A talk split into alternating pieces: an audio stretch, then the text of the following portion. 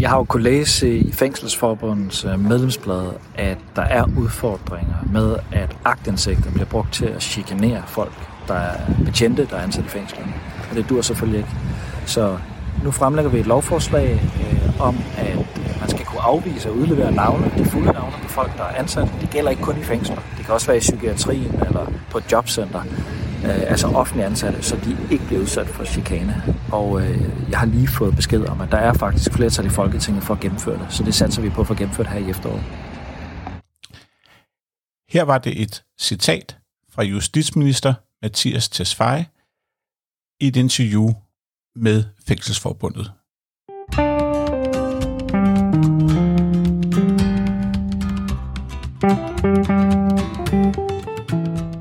Hej, jeg hedder Rasmus Visby, og da jeg forlod jeres øre her i starten af juli, altså sådan lige før sommerferien rigtig gik i gang, der sagde jeg, at jeg ville komme tilbage med magtindsigt i starten af september.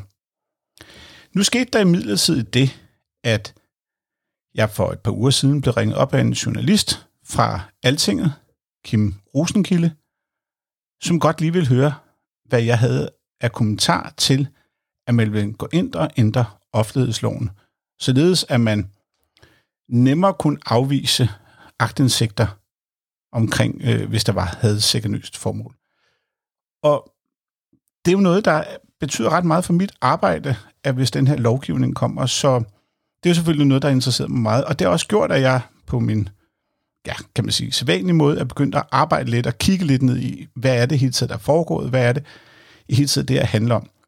Og det gjorde så, at jeg sprang til mikrofonen og lavede det her afsnit af magtindsigt. Eller vi kan sige, det på en eller anden måde er det jo limboet mellem Visbys verden og, og magtindsigt, fordi der er ikke noget musik, der er ikke nogen jingles, der er ingenting i det her andet end, det er rent snak. rent snak. Men det, jeg gjorde i det her afsnit, det er, at jeg har taget fat i Vibeke Borberg, som er advokat.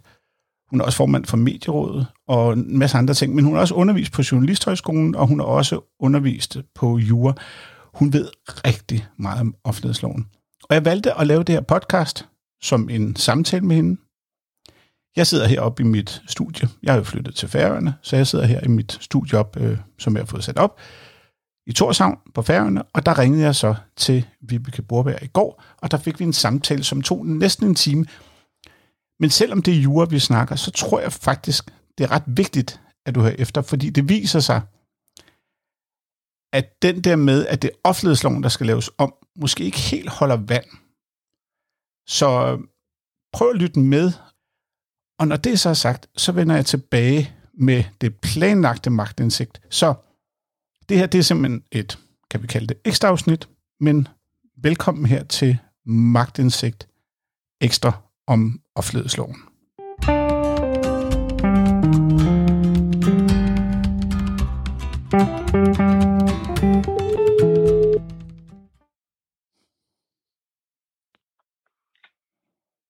Det er Vibeke Borberg. Hej Vibeke, det er Rasmus Visby. Jeg har jo ringet til dig, og vi har aftalt, at vi ligesom kører det her som en samtale, og vi har ligesom ja. haft en idé om nogenlunde, hvad det er, vi skal snakke om. Det er rigtigt. Ja. Og det vi faktisk skal snakke om, det er jo offentlighedsloven og den nye ændring. Vi lige for at skære ind, det har jeg jo lært, at man skal skære en sag til. Kan du ikke lige starte med, med at fortælle mig, at der er tre love, der er i spil her? Øh, det lovforslag, som er fremsat, det handler om offentlighedsloven og forvaltningsloven og forældelsesloven. Og det er primært offentlighedsloven og forvaltningsloven, der er interessant. Øhm, begge forslag øh, handler om det her med at beskytte offentlige ansatte mod chikane. Og det gør man ved øh, i begge love at indsætte ordet chikanøst som en mulighed for at give afslag på agtindsigt. Så der, hvor der tidligere bare har stået retsstridigt, der siger man nu ellers chikanøst. Øh, og den anden ting, man så ændrer øh, i øh, offentlighedsloven, det er øh, i den bestemmelse, som handler om indsigt i personalesager, der som udgangspunkt jo er undtaget på offentlighedsloven. der har man alligevel mulighed for at få øh, indsigt i sådan noget, vi kalder stamoplysninger, altså navn og øh, stilling og løn og sådan nogle helt basale ting. Men der indsætter man nu en, eller foreslår nu, at der indsættes en bestemmelse, hvor man så alligevel ikke kan få oplysninger i den ansattes navn, hvis væsentlige hensyn til den ansattes tryghed taler imod. Så det er ligesom en, et lovforslag, som prøver at binde sløjfe om det her med øh, sikanøse anmodninger om aktindsigt. Så, altså, så det vi ligesom skal tale om i dag, og det er jo, at der er jo, som du selv siger, der er, i, i henhold til offentlighedsloven er det princippet, det du, ja, der må lytteren lige bæres med, med, tages med i hånden her, det er paragraf 9 i offentlighedsloven, mm. og det er paragraf, og paragraf 21. Ja. Det er ligesom dem, som vi for alvor skal beskæftige os med. Og så er der vel også, at vi lige skal springe lidt tilbage til forvaltningsloven også, og der er det så en paragraf 9a, tror jeg der. Ja, hvor de indsætter et nyt stykke, hvor de, hvor de, hvor de sætter det her ind med, at der kan gives afslag, øh, hvis øh, ansøgningen tjener et øh, retsstridigt eller sikanøst formål. Ja. Jeg tror, jeg tror faktisk, der er en ting, som er lidt vigtig sådan, at, at, at lige få sat øh, fokus på her fra starten. Og det er forskellen på offentlighedsloven og forvaltningsloven. Ja. Fordi på mange måder, så er det jo to love, der minder ret meget om hinanden. Øhm, men der er en væsentlig forskel på dem. Forvaltningsloven, det er en lov, der handler om, hvordan altså sådan de grundlæggende principper for, hvordan en offentlig myndighed skal behandle de sager, de har med at gøre. Og det, der er kendetegnende for forvaltningsloven, det er, at den gælder for sager, hvor i der vil blive truffet en afgørelse. Det er det, vi kalder afgørelsesager. Og, øh, og det, som forvaltningsloven indeholder, det er partsrettigheder. Rettigheder for de parter, som øh, er med i sager, hvor der vil blive truffet en afgørelse af en forvaltningsmyndighed. Og den her lov, den indeholder en lang række forskellige øh, rettigheder og forskellige principper. Det er for eksempel her princippet om inhabilitet, øh, hos, hos offentlige ansatte findes. Men den, har også, den giver også ret til agtindsigt som part i en sag. Øhm, og derfor bliver forvaltningsloven, det er ikke en, som man som udenforstående kan tage og slå op i, og så ringe til en myndighed og sige, nu vil jeg gerne have agtindsigt efter den her lov. Det er Præcis. altså primært dem, det er primært dem som, som, som, som deltager som parter i sagen, som den er, er sat i verden for. Godt. Offentlighedsloven, jeg skal, lige, jeg skal lige sige, fordi jeg havde faktisk lavet et spørgsmål til dig, og du allerede svarede det, før jeg fik det stillet. Men det er bare lige for at sikre, og, og vi også lige får det på plads. Det vil sige, forvaltningsloven gælder ikke, kan man sige, for tredje part. Det vil sige, en, en journalist kan ikke bruge forvaltningsloven til noget som helst. Ikke, ikke hvis vedkommende ikke selv er part i sin egen sag. Der bruger man offentlighedsloven. Man kan sige, at forvaltningsloven er jo sådan en lidt generel lov, så den indeholder også generelle principper, som vi også breder ud. For eksempel princippet om om habilitet, øh, som, som vi også breder ud til andre ting, men i princippet handler den om afgørelsesager, og den giver rettigheder for dem, der er part i dem. Godt. Lige, lige for at få det fuldstændig, fuldstændig skåret ud i pap. Det vil sige, hvis der er nogle journalister, der begynder at brokse over noget med hensyn til forvaltningsloven, og øh, den, altså, så giver det ikke rigtig mening, medmindre man er inde og afdække en sag omkring en eller anden, man følger, og har fået lov til at være med som for eksempel bisider. Det kan man vel godt. Ja, præcis. Hvis man har fået en fuldmagt. Ja. Det sker indimellem, at, at, at personer, som ønsker, at deres sager bliver dækket i medierne, giver en journalist fuldmagt til for eksempel at gå ind og søge agtindsigt på partens vegne. Øh, men det kræver altså, at der er etableret sådan et særligt forhold til den person, som loven gælder for. Ja. Så det vil sige, at der, der er et stort fedt skilt for pressen her, ingen adgang, når det hedder forvaltningsloven. Kan man ja. godt det kan man godt sige. Den er, den, er, den er ikke beregnet på den type henvendelser. Godt. Så tror jeg også, det er vigtigt lige, og, fordi vi skal jo ligesom ned i, i, den her, i, i det her lovforslag, og det lovforslag, der har været, har været meget båret, det står i hvert fald i indledningen, af det her, altså den tekst, der er, der står, at det er med udgangspunkt i fængselsforbundet, man ligesom har taget udgangspunkt i det. og der tror jeg, det er vigtigt også lige at pointere her, det vi sidder og diskuterer er ikke, om hvorvidt hverken du eller jeg eller nogen andre mener, om de her medarbejdere er troede eller ej. Vi sidder og kigger på ren jura i det her. Er vi enige om det? Ja, fuldstændig. Jeg tror ikke, der er nogen, der går ind for, at offentlige ansatte bliver udsat for chikane. Nej. Øh, det, det er et vanskeligt synspunkt at, øh, at forsvare. Ikke? Ja.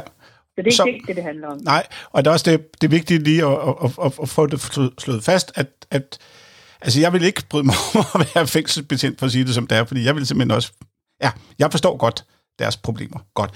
Så det vil sige, nu er vi ligesom kommet ind til, at vi har offentlighedsloven. Det er den for alvor, vi skal snakke om her. Ja, og offentlighedsloven, hvis vi sådan skal, skal sådan kort tegne den op, så er det jo en lov, som gælder øh, for, for sager inden for den offentlige forvaltning. Altså der står jo i øh, den øh, øh, indledende bestemmelse, at loven finder anvendelse på al virksomhed, der udøves af myndigheder inden for den offentlige forvaltning.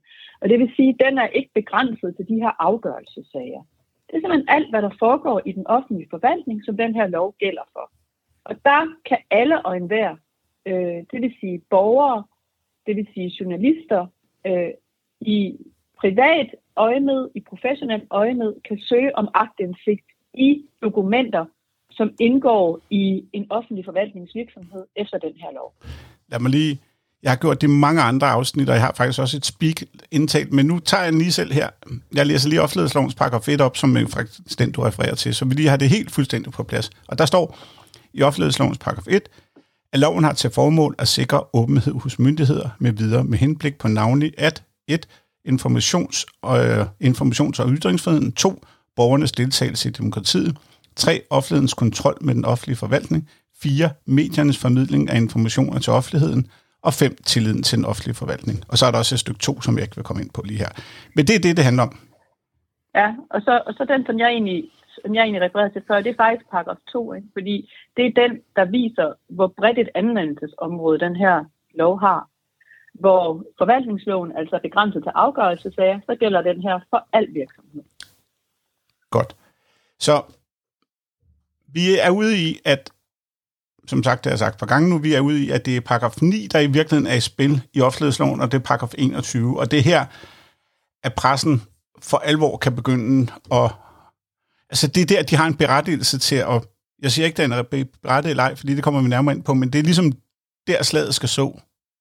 Ja. I forhold til det er, øh, medier. Og det er klart, det er en lov, som bliver øh, brugt rigtig meget af medier og journalister, fordi det er dem, der ofte dækker de ting, der foregår i den offentlige forvaltning. Ja, der er ingen tvivl om, at, at, at det kan jeg allerede sige nu, at med det, jeg kan læse her, der er der ingen tvivl om, at sådan noget som Hillerød Forsyning, som jeg afdækker, der ville jeg ikke have haft en chance. Jeg ville ikke have haft en chance overhovedet øh, i forhold altså, til det her. Så vil det være stoppet. Hvis lovforslaget altså, var gældende på det ja. tidspunkt, havde været gældende på det tidspunkt. Præcis, ja.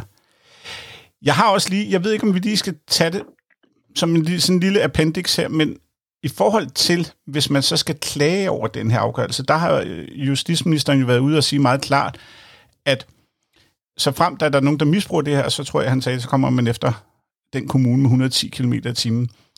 Mm. Hvad, hvad, hvilke ankemuligheder har man, når man så ligesom har fået det her afslag på den, den her, altså Jamen, ud fra den her nye ja. paragraf, altså når vi ser efter 1. januar 23, og den ja. her lov besluttet?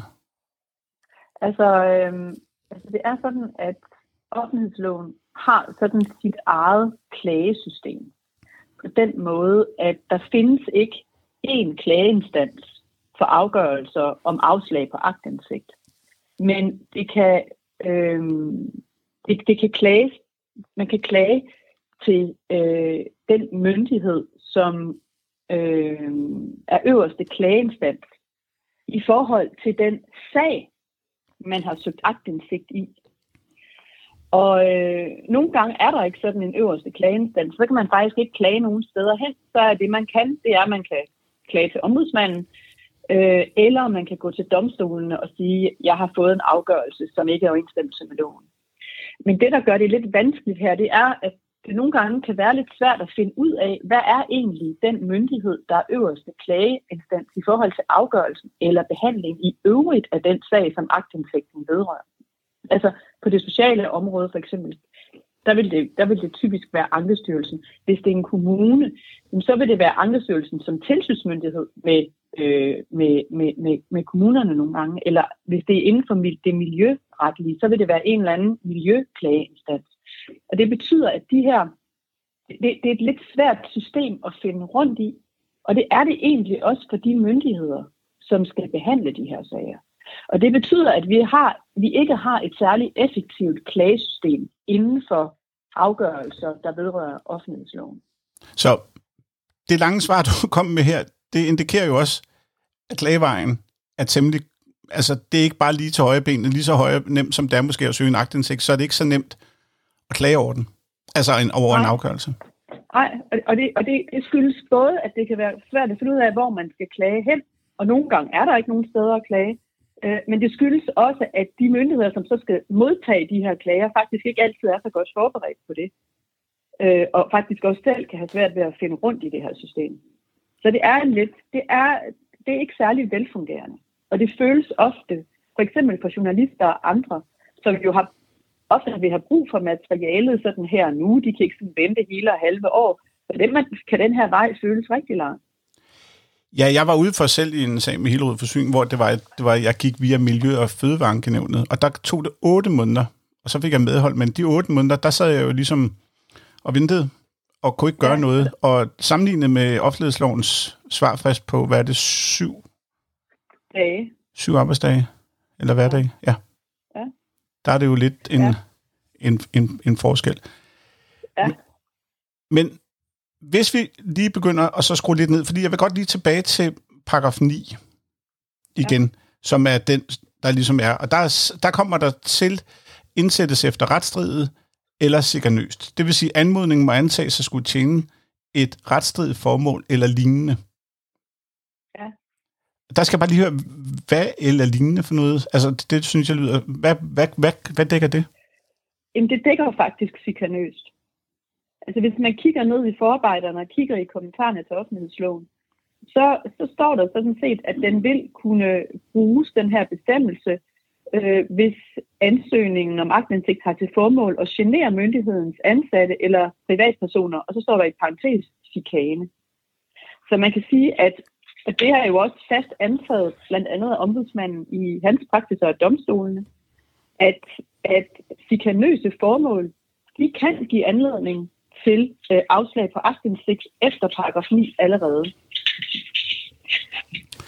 Så det, det du sådan set siger, det er, at, at, at man bare går ind og specificerer det, men man, holder man det der eller lignende nu, så? Så det også øh, står der? Øhm, nej, lige prøv at se, hvad der står i lovforslaget, om man gør det. Det synes jeg. Øh, Indsættes efter... Nej, det, ja, nej, det, det tror jeg ikke, man gør. Nej, så det, det bliver specificeret. Altså, det ser ikke ja. sådan ud. Øhm. Nej, nej. Godt. Det ser ud som om, at nu bliver det retsstridigt eller sikanøst. Godt. Så vil, jeg, så vil jeg lige springe tilbage, fordi nu synes jeg ligesom, nu, nu har vi ligesom den der, at de kan af, af altså, men ville den kunne benyttes på en journalist, som for eksempel er i gang med at, at grave i en, en direktør for en kommunal havn, som og begynder at søge bilag og sådan noget. Ville, ville, ville de kunne bruge den her paragraf? Altså ja, sådan det, i første omgang?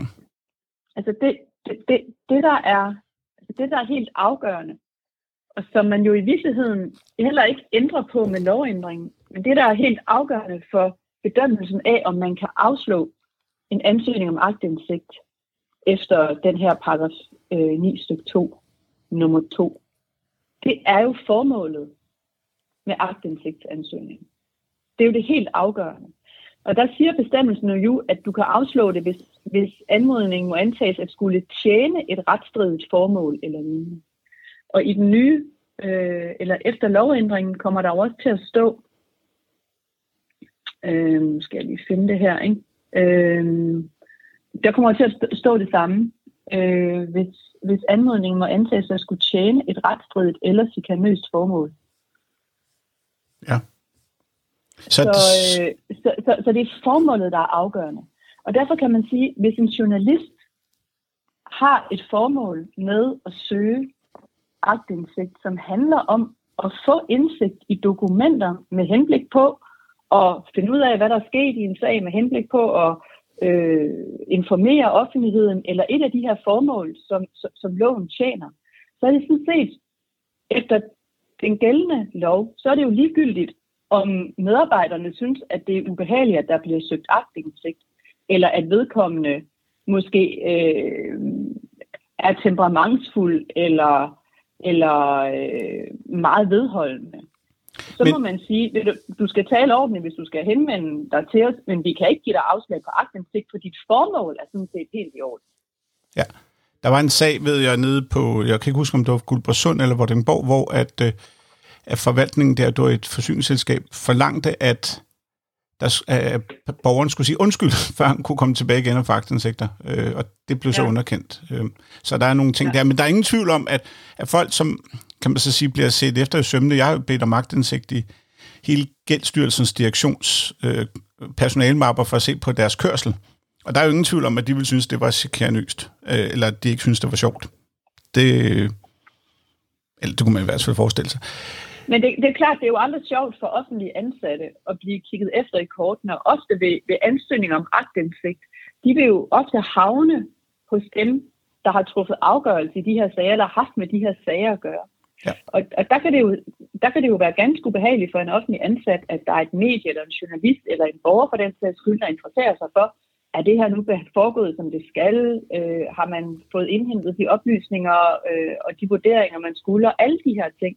Det kan jo føles ganske ubehageligt. Det betyder bare ikke, at formålet med ansøgningen er forkert, eller at det kan give anledning til et afslag. Men der er det så, at justitsminister Mathias øh, Tesfaye, han går ud her, og nu citerer jeg fra pressemeddelelsen i forbindelse med det lovforslag, der står der, offentlige ansatte, og jeg synes lige, du skal lægge mærke til, hvad der, der bliver sagt, fordi du bliver spurgt om det lige om lidt igen. Men der bliver sagt, offentlige ansatte går hver dag på arbejde for at sikre, at du og jeg kan føle os trygge.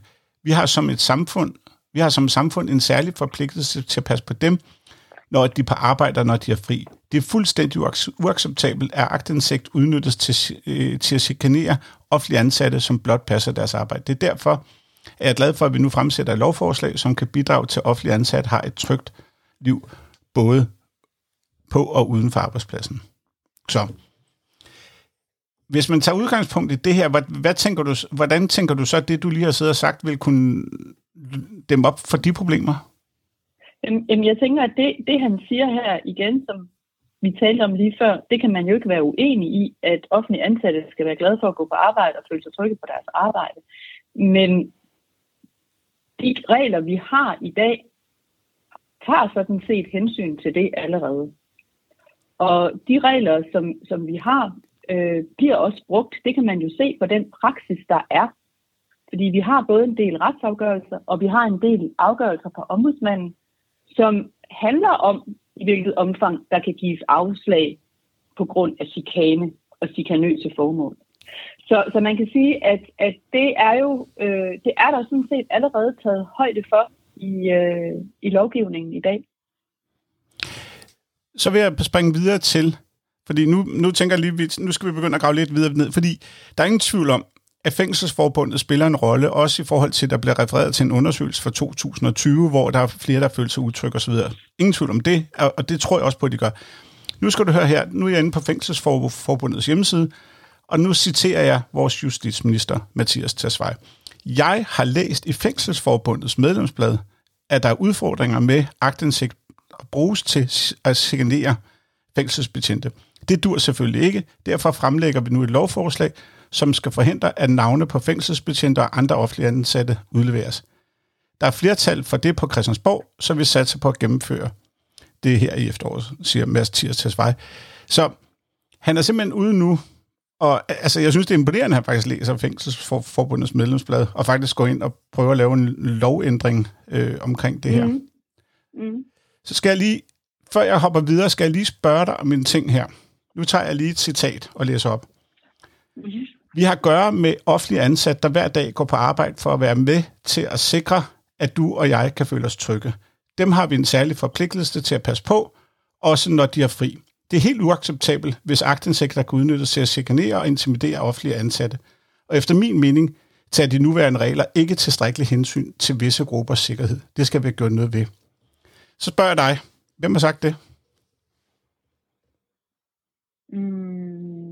Det ved jeg ikke, det har jeg til svare sikkert. Hvad var det, jeg lige sagde før, du skulle lytte efter? Var det fængselsforbundet, der har sagt det? Nej, det citat, der er der, minder ja. det ikke lidt om det citat, jeg sagde før?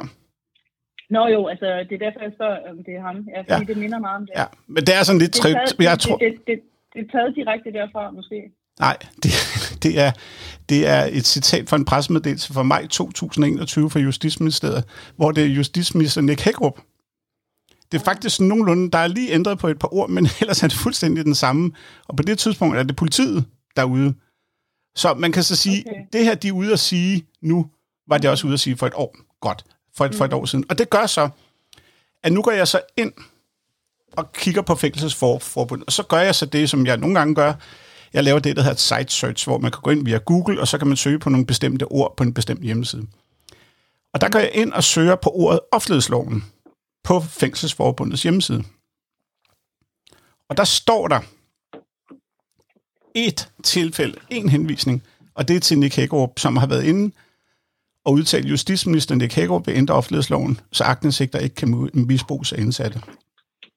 Derudover står der intet om problemet. Intet. Men Nej. nu bliver det interessant. Forvaltningsloven, da jeg søgte på den, kom der 22 resultater frem. Og nu læser jeg lige et af citaterne frem. Forvaltningslovens regler om agtindsigt giver som udgangspunkt den agtindsigtssøgende adgang til at blive gjort bekendt med medarbejdernes navne.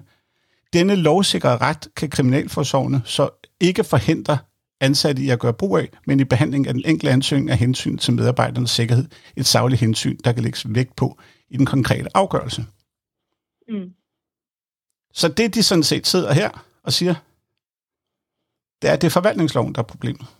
Mm. Men det er jo også fordi, at, at mange af de her sager, der vil den indsatte, eller hvem det nu kan være, vil jo, vil jo være part i den sag. Præcis.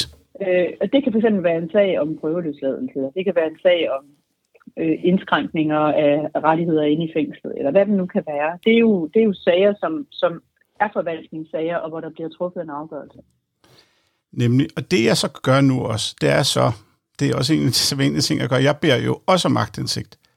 Og der går jeg ind og beder om agtindsigt i antallet af sager hos Kriminalforsorgen, hvor det er, hvor mange agtindsigter har der været i henhold til offentlighedsloven. Hvor mange agtindsigt. Og der sker faktisk det, at der er en jurist, der ringer op til mig, derindefra og siger, du skal bare lige vide, at de tal, du beder om, det laver vi ikke statistik på. De findes ikke. Men hun kunne så derudover oplyse mig, at det ikke var akt, altså det var ikke offentlighedsloven, der blev brugt, det var forvaltningsloven. Og nu bliver det interessant, fordi hun oplyser så også i den her samtale, at de har gjort det de seneste fire år, at de har udskiftet navnene med tjenestenummer for at sikre anonymitet. Så det vil sige, at de sidste fire år har man i afgørelser skiftet medarbejderens navn ud til et tjenestenummer. Okay. Og hvad så, når, hvad så hvis, hvis der bliver søgt om agtindsigt i at få navnet oplyst? Hvad sker der så? Det var ikke noget, personen kendte særlig meget til, at der havde været de her klagesager, som så havde søgt endnu en gang. Men til gengæld fortalte hun, at der var ofte, inklusive hun selv, der var tilbage, nogle gange var det 15 år tilbage, som man kan sige, sige de fængselsansatte, der er ude for agtindsigter, fordi hvis det er ældre end fire år gamle sager, så kan de stadigvæk risikere at få udværet deres navn. Så man kan så sige, det problem eksisterer, men man har altså gjort det nu, at man har sat nummer på i stedet for Mm-hmm. navne. Og til synligheden virker det som om, at det ikke bliver klaget. At der ikke bliver klaget over det. Altså, jeg har, jeg har bedt om magtindsigt i det, men jeg har ikke fået det endnu. Ja. ja. ja. Men det tyder jo på, at, at der faktisk er meget, meget få tilfælde, hvor en offentlig ansats navn efter de gældende regler bliver udleveret. Ja, og man kan så sige, at hos politiet gælder det samme. Der er det, der er det et meget avanceret system med øh, tjenestenummer. De har både tjenestenummer på uniformer, og når de logger ind. Altså, de har alle mulige tjenestenummer, har jeg erfaret. Men nu vil jeg lige gå ind på Fængselsforbundets webside igen, fordi her står der Forbund, Fængselsforbundets forbundssekretær, og det er tilbage fra 2019 det her. Erik Holmstad Larsen mener, at de indsattes brug af aktindsigt strider direkte mod de tiltag, som blev indført i 2017 efter flere voldelige overfald. Når Kriminalforsorgen har nedsat et taskforce og indført tiltag for at beskytte os bedre, blandt andet med tjenestenummer som sikrer anonymitet, så virker det paradoxalt, at de indsatte bare kunne få udleveret vores navne med en agtindsigt. Mm-hmm. Så spørg- spørgsmålet er så bare, hvis betjente identificeres via nummer, kan ledelsen altid se, hvilke betjente, som har truffet en afgørelse i forhold til en indsats. Det er meget sjældent, at en indsat har, har, har, reelt behov for at se det betjentens fulde navn. Så altså på en eller anden måde, så har de kendt til det her problem, og der er ligesom sat de her tjenestenummer på. Så på den måde kan man så sige, men der er ingen tvivl om, at det, er, det er forvaltningsloven, vi er nu ude i. Ja, helt sikkert forvaltningsloven. Så hvor vil vi kunne komme ind i hens, altså fordi via den der paragraf 9, vi snakkede om før, der er jo ikke nogen, der vil kunne komme ind i en, i en indsats.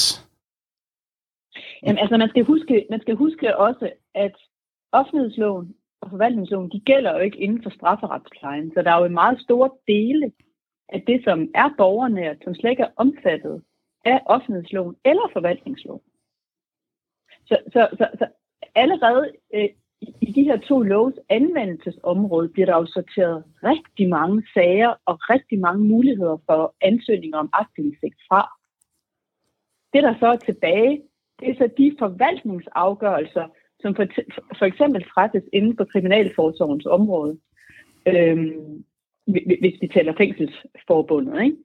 Øh, og, og der vil jeg tro, og det er jo også det, du har fundet ud af ved at tale med den jurist, du nævnte før, at langt hovedparten af de her sager, de vedrører forvaltningsloven og ikke offentlighedsloven. Det bekræfter Fængselsforbundets webside også. Fordi den eneste, der nogensinde ja. har nævnt det på noget tidspunkt, det er Nick Hækkerup, da han fremsatte forslaget for et år siden. Som ja. Mathias Tasfaye nu har taget ejerskab af, kan man sige. Ikke? Jo. Øhm. Så, altså, så man kan sige, at hvis vi kigger på offentlighedsloven, og sådan skal prøve at samle bare en lille smule op, så kan man sige, et, den omfatter allerede chikane. Og det ved vi, fordi at der er en omfattende praksis fra domstolen og fra ombudsmanden, der ligesom fastlægger, hvornår kan et formål betragtes som chikanøst, og dermed give hjemmel øh, for et afslag på agtindsigt. Det er den ene ting. Øh, og den anden ting, det er, at hovedparten af de tilfælde, hvor et formål, eller hovedparten af de tilfælde, hvor der søges agtindsigt i ansattes øh, oplysninger om ansattes navn, de foregår efter forvaltningsloven. Ja, og samtidig er det så, kan man så sige, anonymiseret. Og derover har man så sørget for at minimere det her problem, eller mulighederne for det, ved at bruge tjenestenummer i stedet for navn. Præcis. Og så synes jeg, nej, der er lige en ting, vi, vi bliver lige nødt til at beskæftige os med paragraf 21, som jo mm. går ud på, mm. at man har ret til at få de her stamdata, som er navn. Nu ja. satser jeg lidt på, at du, hvis jeg siger, at der er en regel omkring, jeg kan ikke huske, om det er 6-7 stykker i offentlighedsloven, hvor man jo skal kunne identificere, en, altså for at kunne få ja. et dokument, skal man kunne ja. identificere det. Og nu ja. har jeg et paradoks. Hvis, hvis man skal bruge offentlighedslovens paragraf 21, så kan du få navn, og du kan få stilling, og du kan få de her ting og sager. Men hvis du ikke kender personens navn, mm. når du beder magtindsigt i henhold til paragraf mm. 21, hvad gør du så? Mm. Um, altså, øh, det er rigtigt, at der er et øh, identifikationskrav. Altså, man kan ikke bare ringe ind til en offentlig myndighed og sige, at, øh, sige sådan et eller andet luftigt, og så skal myndigheden bruge enormt lang tid på at finde ud af, hvad man taler om. Altså, så man skal i et eller andet omfang kunne identificere den sag, man ønsker agtindsigt i. Men det, det, det, har vi, det er der også en, en, en praksis for ombudsmanden især, øh, der tager stilling til, og han siger, at myndigheden har jo en vejledningspligt, og det vil sige, at man kan ikke forlange af borgeren, at de skal kunne give meget, meget præcise oplysninger. Det kan borgerne eller journalister i langt de fleste tilfælde, men, men man behøver altså ikke at kunne identificere en sag øh, meget, meget præcist for at få adgang til, øh, til agtindsigt. Myndigheden skal selv hjælpe borgeren på vej, faktisk. Så hvis jeg vil søge, an, hvis, hvis jeg vil søge navn på en bestemt fængselsbetjent, via offentlighedslovens paragraf 21, mm. så skulle jeg så beskrive det ud for et eller andet. Hvordan vil det foregå i praksis, tænker du? Jamen, det kunne jo være, at du søger agtindsigt øh, i den øh, fængselsbetjent øh, navn, som var involveret i en episode vedrørende sådan og sådan den og den dag, for eksempel. Jamen, er vi så ikke over i forvaltningsloven? Det kommer an på, hvem du er jo. Altså fordi, øh, hvis, du, hvis du udefra gerne vil søge om aktindsigt i det her, så skal du jo bruge, så skal du jo bruge offentlighedsloven. Altså, hvis du ikke er part i den pågældende sag, og det ikke er, der ikke er tale om en afgørelsessag, så, så er du jo over i forvaltningsloven. Jamen, hvis, hvis jeg sad udenfor, altså nu, nu tænker jeg sådan, det er meget tænkt det her, men alligevel, mm. hvis jeg sad som bandemedlem og ville have fat i navnet på en fængselsbetjent, hvor, som sad og passede på min bandeven, kan man sige, ikke? Mm. Hvordan kunne jeg så få fat i det navn via paragraf 21? Jamen, altså, hvis, hvis, øh, altså hvis, du kan, hvis du som udenforstående kan identificere sagen, så kan du jo søge om øh, akten, altså kan du søge om aktindsigt i den pågældende, der behandler den sag, for eksempel. Men hvordan ved man så, at det er den rigtige, man får fat i? Ja, det, det, det, det, det er jo selvfølgelig op til myndigheden at, at sikre sig, at, at sagen er identificeret, sådan, så man ikke udleverer øh, nogle tilfældige navne. Men det, er jo, altså, det sker jo hver dag, at en, et, et medie eller en journalist, eller hvem det nu kan være, søger agtindsigt i, øh, i stamoplysninger på, på, på en eller anden offentlig. Altså, nu siger jeg hver dag, det ved jeg jo ikke, men altså, det er jo ikke usædvanligt, at man, at man søger om at finde ud af, hvad tjener den her person af. Ja, men det har jeg gjort mange gange. Men så har jeg altid ja, identificeret ved, ved at sige, at det er direktøren for det, eller det er ja, ja. personen. Altså, så har jeg sagt navnet. Ja. Altså, jeg har bare svært ved at se, hvordan man kan få et... Altså, ja, du, jeg tror, vi har fanget paradokser, som jeg ligesom prøver at ja, identificere. Altså, jeg, jeg, jeg, tror, jeg, jeg tror bare, det er vigtigt at sige, at man behøver ikke at have navnet. Det er med på. På vedkommende, hvis du ikke kan finde det. Øh, hvis du i øvrigt kan identificere øh, vedkommende ud fra din beskrivelse af, hvad vedkommende beskæftiger sig med, for eksempel, eller har været involveret i. Okay. Tilbage er så, at der er jo også andre lovgivninger, der, der kan komme i spil her. Og hvis ja, der er jo især... Ja, undskyld. Ja. Ja, bare, kom, ja, bare sig det, fordi jeg tror, du siger det, jeg skal sige. Så det er fint. Kom med det. Ja, måske. Jamen, altså, altså, man kan sige, at, at det er jo over i straffeloven, at vi egentlig regulerer øh, det her med, at offentlige ansatte skal kunne føle sig øh, trygge på arbejde, fordi der har vi jo den bestemmelse, som i, som, som, som i gamle dage blev kaldt øh, vold mod tjenestemænd i, i funktion. Ikke? Altså den her beskyttelse af offentlige ansatte mod vold og trusler og mod øh, alle mulige, øh, altså, øh, alle mulige andre former for, for øh, chikane, som for eksempel handler om deres privatliv og deres øh, øh, færden og den slags ting. Ikke? Ja. Men... Øh, e- eller nogen, som, som simpelthen forhindrer dem i at udføre deres arbejde, for eksempel. Det er jo også en form for chikane. Du kan ikke komme ind her, hvis du er vagtlæge, så står der en og spærrer døren for dig, eller hvad det nu kunne være. Ikke? Så, så der har man ligesom opregnet alle de sådan, fra de helt, fra de helt øh, tunge øh, angreb, hvis man kan sige det sådan, om vold og trusler mod vold osv., ned til øh, at forhindre nogen i at udføre deres arbejde. Og det er jo der, man, man primært regulerer det her. Ja, fordi det, der så står i den her pressemeddelelse, fordi jeg kommer tilbage til det, fordi den, du tænker på, eller det, der specifikt handler om her, det er jo straffelovens, kan du huske paragrafen, nummeret ja, på den? Ja, det er paragraf 100, det er paragraf 119. Ja, og så har den et, der er også en, der er specielt lavet dertil, som jeg fisker efter. Det er 1919A. Ja, præcis. Som trådte i kraft 29. december 2016. Og det synes ja. jeg er vigtigt, fordi i den her pressemeddelelse, de sender ud, der er sådan en graf, hvor man kan se, at det stiger virkelig, virkelig voldsomt. Og hvis man så går op i teksten her, så står der, Samtidig viser tal fra Rigspolitiet og Rigsadvokaten, at antallet af anmeldelser, sigter og sigtelser og tiltaler om chikanevold og trusler mod offentlige ansatte er steget markant fra 2010 til 2021. Mens der i 2010 var 3.183, jeg ved godt, tal er enormt dårligt på podcasten, men nu kommer det, var der i 7.000 øh, var der i 7.963 i 2021. Det vil sige, der er sket over en fordobling. Problemet er, mm-hmm af 119A jo ikke fandtes i 2010. Nej. Så når den, der kommer en lov... stå for ret meget, ja. Ja, så man kan så sige, at der kommer en lov, som kommer ind. Altså, det svarer jo lidt til at sige, at, at i 1770 var der ikke nogen, der kørte bil. Øh, nej, det var der ikke, fordi den var ikke opfundet. Så den her lov er jo ligesom lavet i det år. år. Så man kan så sige, når de er ude at vise en graf, hvor det ser meget, meget voldsomt ud, den her stigning i 16, mm. og der så helt med små bogstaver står nede, er opgørelsen er baseret på tal fra politiets øh, system, og så er der en usikkerhed og bla bla.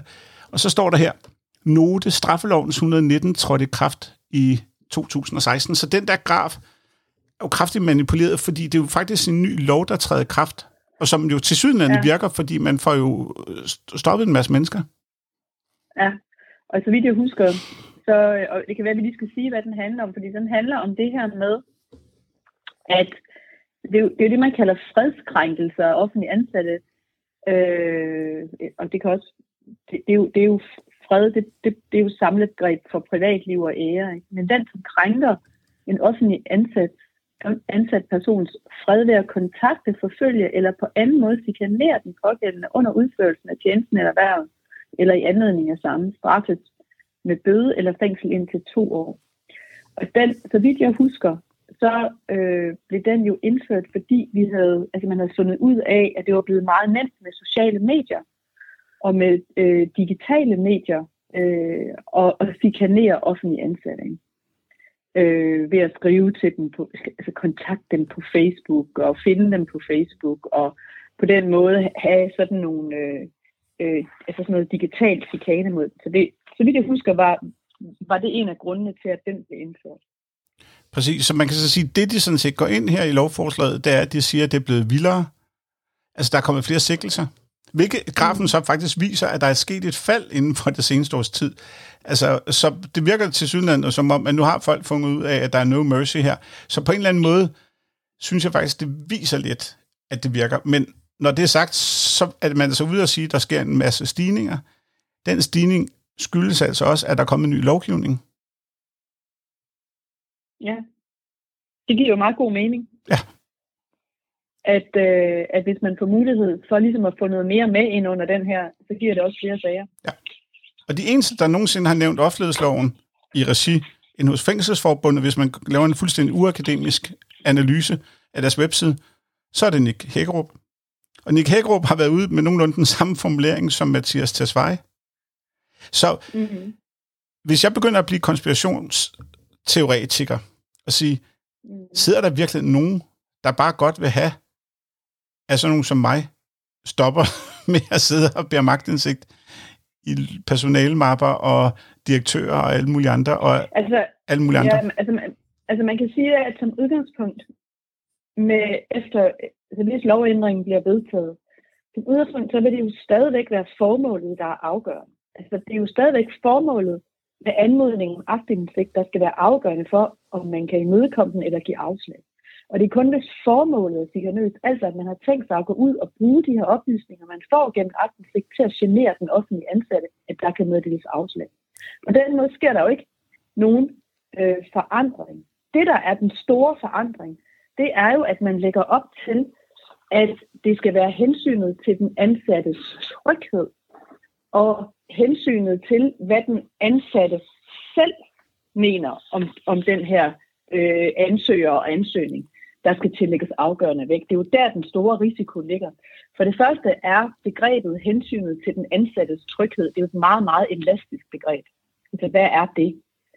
Der vil være meget store individuelle forskelle på, hvornår vi anser øh, os selv for at være trygge eller føle os utrygge. Det er den ene ting. Den anden ting, det er, hvad falder egentlig ind under det her begreb? Altså, hvad er tryghed egentlig for et begreb? Og den tredje ting, det er så, at der direkte i lovforslaget står, at, at, at øh, den ansattes egen oplevelse af, hvad der foregår, skal tillægges afgørende betydning. Og det betyder, som jeg har sagt tidligere øh, i forbindelse med, med, med det her lovforslag, at man flytter altså fokus fra noget rent objektivt, altså formålet, til noget subjektivt, nemlig til tryghed og hvad den ansatte selv har en oplevelse af. Og det betyder, at den ansøger, som faktisk har et lovligt formål med at søge aktindsigt, men som er irriterende eller insisterende eller frustreret og måske endda altså, opfører sig dårligt over for øh, den offentlige ansatte, hvilket jo i sig selv er uacceptabelt. Men den ansøger risikerer altså at få afslag i stedet for at få en reprimande om at opføre sig ordentligt. Og det, det synes jeg er et stort problem. Præcis, så man kan så sige, hvis vi sådan skal rulle det tilbage til ligesom, hvor vi startede fra, så kan man så sige, de eksempler, der har været omkring fængsels, øh, fængslerne, som jo ligesom har været det, der har været deres hovedbudskab, er, at problemet eksisterer, men det er forvaltningsloven, man bruger. Øh, man har også prøvet at lave nogle tiltag i forhold til forvaltningsloven.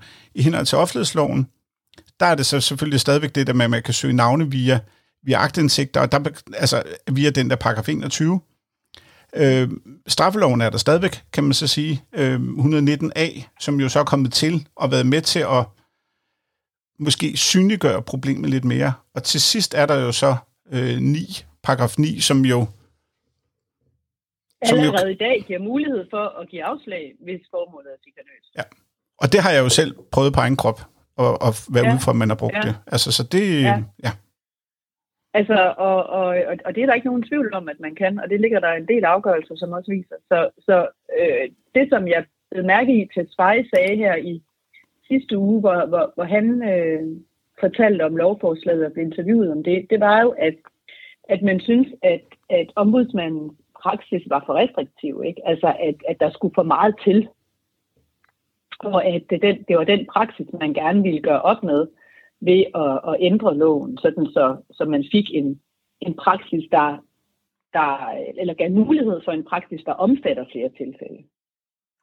Præcis, og så kan man vel også sige, at, at nu om dagen, nu ved jeg godt, nu er det sådan lidt øh, konspiratorisk igen, men man kan jo sidde som myndighed og sige, hvad vi siger bare, at det, er, det er sikkert og så kan man ellers sidde og rude med en, en klagesproces, som jo jeg selv har oplevet på egen øh, krop øh, i forhold til Hillerød Forsyning, hvor det tog otte måneder at få den igennem. Så man kan så sige, på den måde kan man også nogle gange, altså som kommunaldirektør eller direktør for et forsyningsselskab, der kan man vel altså ja, sidde og sige, ved du hvad, vi tolker lige den her, som vi nu synes. Og så kan det godt ja. være, at vi ikke har ret, men til gengæld så får vi fred i en periode. Ja, præcis. Så der er ikke nogen klagevej jo? Altså. Nej. Altså, så det... Og, og, altså, jeg, jeg, jeg synes, der er nogle ting, der, der også sådan set lidt oppefra altså er bekymrende. For det første ved vi, at stramninger af offentlighedsloven, de, de er meget svære at rulle tilbage. Altså, der har jo ikke endnu fundet et flertal for at, at lempe for eksempel ministerbetjeningsreglen, som kom ind ved, ved, ved den, i den nye lov, øh, som trådte i kraft i 2014. Og det, det er en lov, som benytter lidt den samme lovgivningsmetode, altså har sådan de her lidt elastiske vendinger, og så har den endda også en, en, en, en, hypotetisk karakter, som man jo også godt lidt kan sige, det her chikanøse formål har, det her med, at det handler om noget, der, der vil ske i fremtiden. Præcis. Øh, og, og, der og, som, og, som, og som betyder, at, at hvis man som myndighed vil sige, når, ja, altså i, i ministerbetalingsreglen, der handler det om, hvorvidt ministeren får brug for embedsværkets rådgivning, og her handler det om, hvorvidt noget materiale vil blive brugt i kanøs. Ingen ved det rigtigt på det tidspunkt, man træffer afgørelse, men, men, men, men ud fra sådan en slags sikkerhedsmargin, så siger man om, det kan ikke udelukkes af det her, og så kan det pludselig falde ind under. Øh, og, og, og jeg, jeg synes, at erfaringerne med loven øh, og med stramninger af loven viser, at stramninger, de kommer for at blive, fordi det er utrolig svært at finde flertal for at lempe dem igen. Så derfor synes jeg altid, at man skal tænke sig virkelig, virkelig godt om, når man strammer de her love, øh, fordi det, er, det kan sagtens være, at de bliver stående øh, for eftertiden. Det synes jeg er den ene ting. Og den anden ting er det her med, at man får lidt en mistanke om, at der også er noget symbollovgivning her. Altså at, at de må inde i Justitsministeriet vide, at det ikke er offentlighedsloven, der er problemet her, og at offentlighedsloven sådan set allerede omfavner muligheden for at give afslag, øh, hvis det er sådan, at man er ude på chikane. Og derfor tænker jeg sådan lidt, er det, er det, sådan, er det en måde at, at, at, at, at plise nogle, nogle, nogle forbund, som hvis medlemmer har det vanskeligt, og så siger man ligesom, ja, men så gør vi det her for jer, men i virkeligheden ved man sådan set godt, at det ikke rigtigt, at det ikke rigtig har nogen effekt. Altså, der er, øh, det er jo meget likeable. Altså, jeg vil sige, der er jo ingen, og det kan vi jo også godt tiltræde os, der er jo ikke nogen, der vil på nogen måde er interesseret i, at de her mennesker skal generes, men man bruger det ligesom som en løftestang til at så sige, at det er virkelig en forvaltningsloven, og forvaltningsloven har vi jo ikke, altså vi har selvfølgelig snakket om det, men det er jo ikke rigtig den, vi har fokus på her. Det er offentlighedsloven, som jo er super vigtig, så man kan så sige, man bruger lidt en forvaltningslov til at også at en offentlighedslov. Øhm. Jamen plus, plus at jeg synes, altså de tilfælde, som de nævner som eksempler i lovforslaget, så vil jeg jo sige, at de er jo allerede omfattet. Præcis. Det, det, det vil være den ene ting. Og den anden ting, den samtale, du har haft med juristen inden for kriminalforsorgen, viser jo også, at de håndterer jo sådan set de her øh, ansøgninger. Altså, at man har egentlig de redskaber, man bruger. Hun, så vidt jeg forstod på det, du sagde, så, så, så, så, bliver der jo, så, så bruger man jo loven til at beskytte de offentlige ansatte. Præcis. Plus, altså, de har ikke, der er ikke nogen, der har tal på noget. Altså, der er reelt ikke nogen, der har tal på det her problem. Så jeg synes jo, det, jeg synes jo, det er ærgerligt. Altså, offentlighedsloven, den har jo sådan lidt speciel status, fordi selvom den jo ikke er, er en lov på niveau med grundloven, som jo er vores øverste lov, øh, så har den en meget, meget tæt tilknytning til vores forfatning og hele vores demokratiske styreform.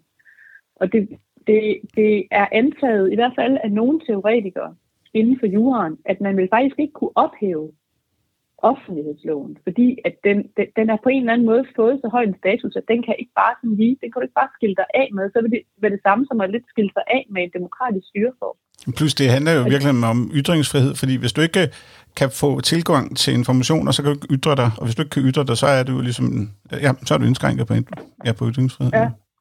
Og derfor er det en lov, man skal, man skal, man skal værne om og passe på, og det, det, det bør Folketinget og regeringen jo også gøre, og sige, at det her det er faktisk en lov, som er så nært knyttet til vores demokratiske styreform og, og, og hvor borgernes deltagelse i demokratiet, mediefriheden osv., øhm, at, at, at der må man altså virkelig holde sig tilbage og kun gå ind og stramme den, når der er et påkrævet behov for det. Jeg kan så sige, også her, fordi Hillerød Forsyningen, som jeg har brugt en del tid med, de har jo også været inde og bruge et argument for mig om, at jeg har offentliggjort nogle navne på nogle personer, og derfor har jeg fået afslag på aktindsigt. Så man kan så sige, man kunne også godt forestille sig, at der sad nogle øh, forskellige øh, folk rundt omkring og sige, puha, hvis I ryger på forsiden af Ekstrabladet, det har jeg ikke lyst til at gøre. Og så kan det godt være, at jeg kan gå i pressenævnet bagefter, men man sådan proaktivt går ud og siger, prøv her, I får ikke aktindsigt, fordi hvis det her ender på forsiden, og vi mener, altså det kan jo godt være, det, at, at, at de ikke har tillid til, at journalisten opfører sig presseetisk korrekt. Det kan jo også ja. være en afledt effekt. Altså nu ved jeg godt, men jeg synes faktisk, det er rimeligt at antage, fordi de kan bare sige, at vi tror på, at de ikke behandler vores. Altså jeg tror på, at de offentliggør vores navn. Og, det er jo nok de færreste kommunalfolk, der i reelt har kendskab til de presseetiske regler. Kan du følge mig? Der, der ja. er vel også et problem ja. den vej. Det er der da helt klart, og der, så synes jeg også, der er en, en, en sidste ting, som vi slet ikke har talt om endnu. Og det er jo, at langt de fleste offentlige ansatte, men som borgere i kontakt med, dem kender man jo godt navnene på. Det er jo kun inden for helt specielle grene af, af den offentlige forvaltning, som for eksempel fængselsvæsenet og måske politiet, som jo så ikke engang er omfattet af de her love. Øhm, men, men hvor, hvor man bruger det her tjenestenummer osv. Altså hvis du er indlagt på et hospital, eller du er henne i børnehaven eller skolen med dine børn, eller du er i kontakt med hjemmeplejen, eller hvad det nu kan være, bibliotekaren hen på biblioteket, så ved du jo godt, hvad det hedder.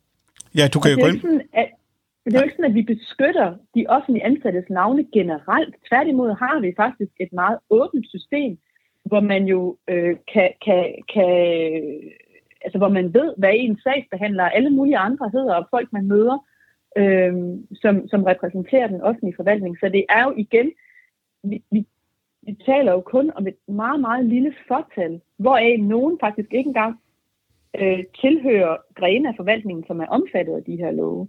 Præcis. Hvor det her det kan være et problem. Og der forstår jeg så på din samtale med inden for kriminalforsorgen, at det håndterer man så inden for deres system. Plus det, det er forvaltningsloven. Er også, det er jo forvaltningsloven igen, ikke? Altså ja, det er også vigtigt at pointere. Præcis. præcis. Og, og, og, og det lyder jo som om, at man der altså håndtere, øh, håndtere det sådan, så man yder de offentlige ansatte den størst mulige beskyttelse. Præcis, og jeg er også ret sikker på, nu ved jeg ikke lige med psykiatrien, men der, der er ikke noget, jeg var på, ja, det hedder jo akutmodtagelsen, jeg for noget tid siden, der var for også en, der gik pænt meget mok, skulle jeg sige, men det er sådan en anden historie. Men øh, så snart, øh, altså imens jeg sad, der kunne jeg åbne min, min, min app med min sundhed, og så kunne jeg gå ind og se, hvad den læge, der havde kigget på mit ben, hed. Altså, så man kan så sige, man kan jo nærmest, og plus det stod også på skiltet, plus det stod, stod alle mulige steder, og jeg ved ikke, hvordan det foregår inde på psykiatrien, men jeg går ud fra, at man kan åbne sin journal nærmest live, altså derinde også, og der kan man jo tilgå de her navne. Så måske var det sådan nogle steder, mm. man måske også lige skulle kigge på det i første omgang, men det er sådan en anden historie. Ja, og, og, og jeg er sikker på, at, at, altså, eller det er helt sikkert sådan, at der er jo nogle grene af forvaltningen, der er meget mere udsat for at møde brede borgere end andre. Øh, og, og, og, og det kunne godt være, at man skulle tage nogle særlige hensyn og særlige tiltag i forhold til de grene, og ikke, og ikke brede det her ud til, smøre det her ud over hele den offentlige forvaltning. Ja. Så lad os afrunde med at sige, forvaltningsloven har en stor del af aktierne i de her sager, hvor det problemet eksisterer. Offentlighedsloven er, har ikke så meget med, men det virker som om, man godt vil have den med, når man går ind og laver mine små uakademiske analyser, så virker det som om, det er politisk, man har fået hævet offentlighedsloven med ind. Og ja, så er det vel sådan, det er. Ja, sådan kan det godt se ud i hvert fald. Ja, men øh, det er spændende. Så vil jeg lige sige, spørge dig til sidst. Tror du, den bliver vedtaget loven? Altså, øh, nu skal den jo, nu skal den jo øh, altså, det, det, det er nok tvivlsomt, om den når at blive vedtaget, inden der bliver udskrevet valg. Men, øh, men, men det er jo sådan med offentlighedsloven, at der er jo næsten altid 90 mandater, som, som gerne vil være med til, at den er stram, fordi enten har man magten, eller også så vil man gerne have magten. Og det er jo lige præcis grunden til, at den her øh, meget omdiskuterede ministerbetjeningsregel, den ikke er blevet lempet, fordi man har simpelthen ikke kunne finde de 90 mandater, der skal til for det. Og nu ved vi ikke, om den, den når formentlig ikke at blive vedtaget den her, øh, på den her side af et folketingsvalg, som, som vi alle sammen forstår kommer lige om lidt. Øh, men det kunne sagtens være, at det var et forslag, som ville blive genfremsat, og at den så ville møde opbakning.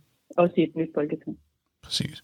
Du skal have tak, fordi du gad at snakke offentlighedslov, og øh, nu håber jeg ikke, at folk synes, det var alt for nørdet. Jeg synes, det er vanvittigt spændende, og det ved jeg også, at du synes. Men, øh, men tak, fordi du gad at, at tale offentlighedslov i et lidt specielt afsnit af, af magtindsigt, som det jo hedder nu.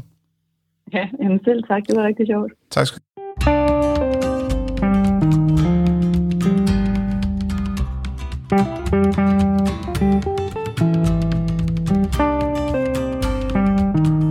Ja, det blev så første afsnit af Magtindsigt, om man vil. I starten af september vender jeg tilbage med det første rigtige afsnit af Magtindsigt, og så vil jeg fortælle mere om, hvad mine planer og tanker er omkring magtindsigt. Hvis du vil være fat i mig, så hedder det faktisk stadigvæk podcast Ellers så find mig på R. Visby, eller søg enten på Magtindsigt eller Visbys Verden på Facebook, og så på gensyn. Og hvis du kunne lide, hvad du hørte, og hvis du synes, det er vigtigt, det her budskab osv., så husk at del det. Og ja, jeg kom til at putte lige et par musikbider ind. Jeg kunne ikke lade være, fordi jeg synes, det blev lidt for snakagtigt. Og så vil jeg lige her til sidst lige prøve, prøve lige at høre den her melodi, som jeg også har overvejet, måske kunne være, være en mulighed i, i, i fremtiden. Så tak for den her gang. Here comes bad news. Bad news travels like wildfire. Good news travels slow. They all call me wildfire, cause everybody knows that I'm bad news.